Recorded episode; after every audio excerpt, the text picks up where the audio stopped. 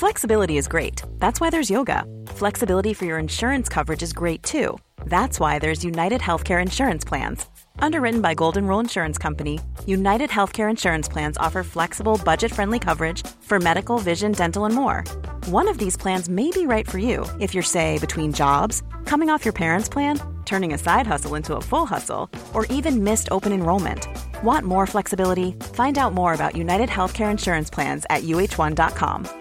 If you thought the only way to get a more defined jawline with natural looking results was through surgery, think again. Juvederm Volux XC is a non surgical injectable gel filler that improves moderate to severe loss of jawline definition and can help you achieve natural looking results with little downtime. Even better, this improved definition lasts up to one year with optimal treatment. No maintenance required. Improve jawline definition for a smooth, sculpted look with Juvederm Volux XC. For important safety information and to find a licensed specialist, visit juvederm.com. That's J U V E D E R M.com. Not for people with severe allergic reactions, allergies to lidocaine, or the proteins used in Juvederm. Common side effects include injection site redness, swelling, pain, tenderness, firmness, lumps, bumps, bruising, discoloration, or itching. There's a risk of unintentional injection into a blood vessel, which can cause vision abnormalities, blindness, stroke, temporary scabs, or scarring. Talk to a licensed specialist to find out if it's right for you.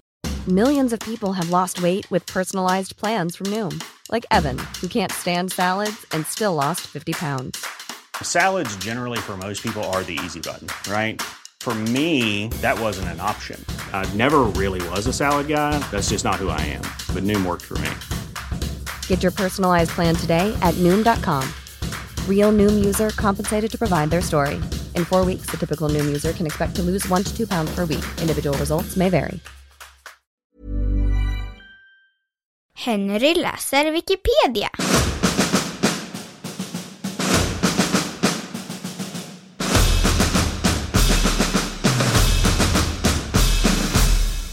Hallonflickan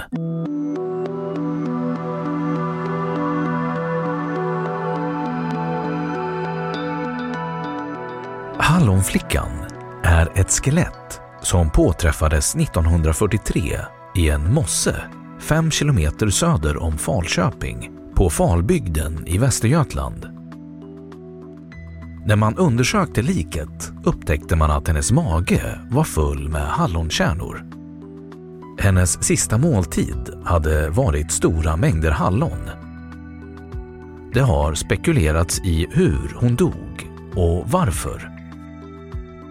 Det började på Rogestorps mosse den 20 maj 1943.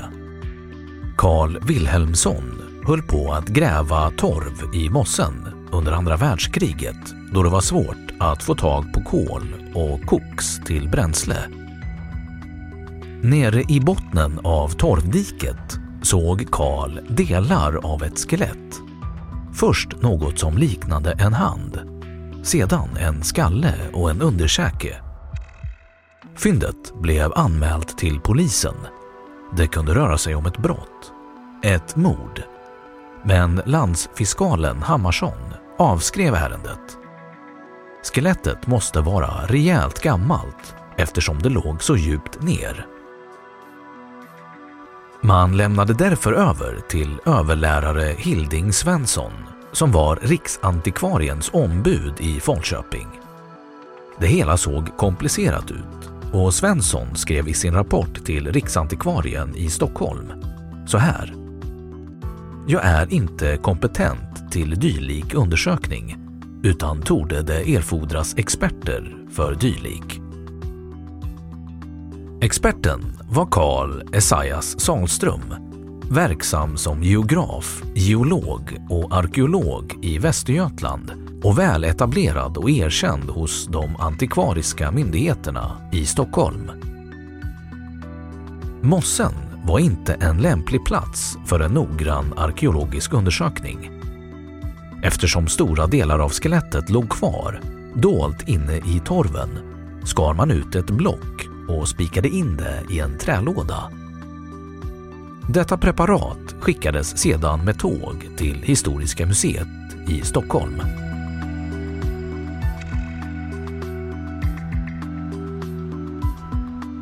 Undersökningar. Fyndet har genomgått ett flertal undersökningar av experter, bland annat professor Nils Gustav Geivall på 1940-talet samt Sabine Sten och Torbjörn Ahlström på 1990-talet.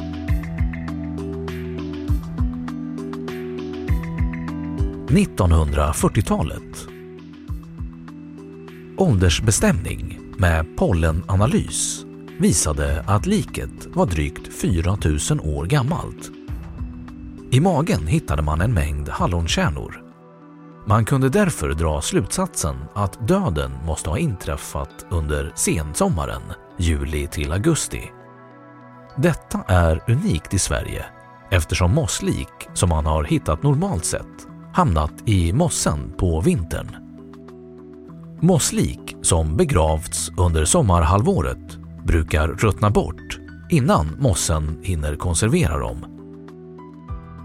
En undersökning av skelettet visade att det var en ung kvinna, 18 till 20 år och att hon var cirka 145 cm lång. Hennes båda ben var böjda så att vaderna låg mot låren. Man gissade att detta berodde på att de varit uppbundna och att de rep och remmar som hållit dem på plats ruttnat bort. Fyndet fick, på grund av sin låga ålder och maginnehåll, namnet Hallonflickan.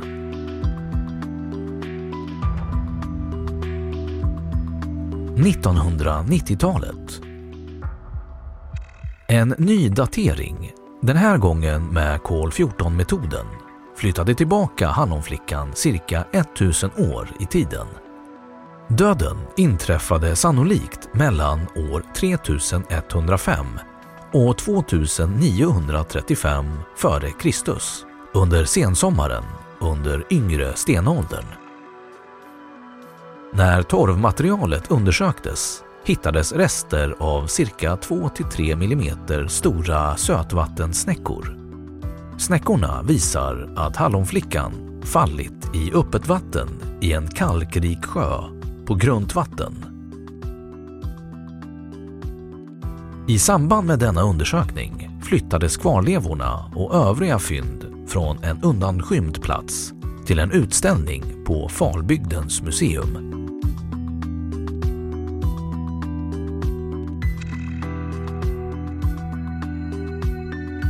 Vem var hon? Hallonflickans längd och ålder har jämförts med skelett från Slutarpsdösen, cirka 2,5 kilometer från fyndplatsen.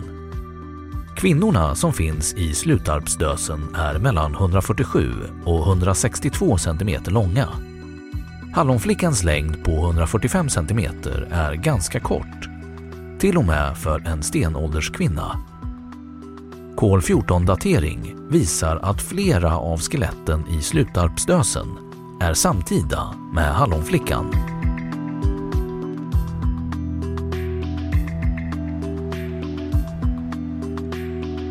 Dödsorsak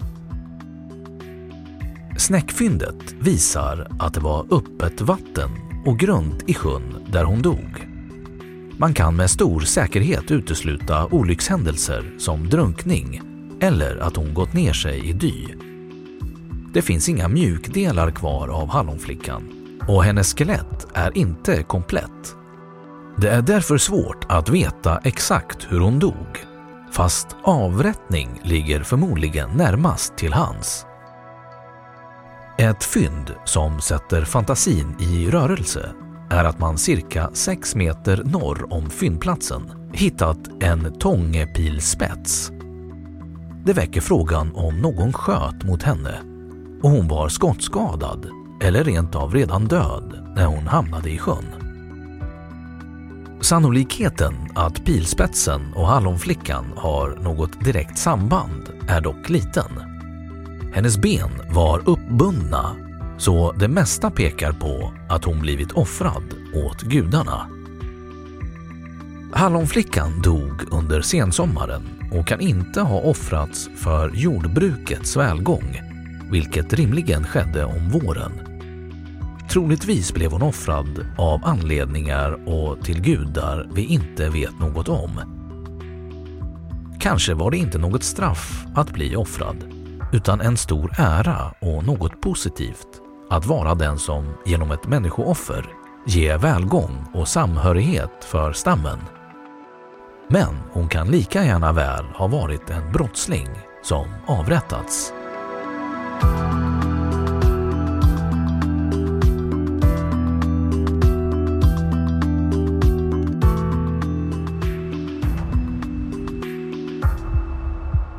Då har Wikipedia sagt sitt om Hallonflickan.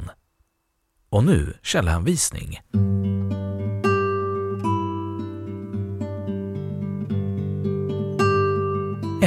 Luttra 29.1 Riksantikvarieämbetet arkiverad från originalet den 25 mars 2014. 2. Geivall NG och Hjortsjö CH och Salström KE Stenålderskvinnan från Luttra i svensk antropologisk belysning sidorna 410 till 426 ur Arkeologiska forskningar och fynd Studier utgivna med anledning av Hans Majestät Konung Gustav VI Adolfs 70-årsdag 11 i 11 1952. 3. Vretemark Maria 1998 Västergötlands fornminnesförenings tidskrift Färgstarka västgötska kvinnor 4.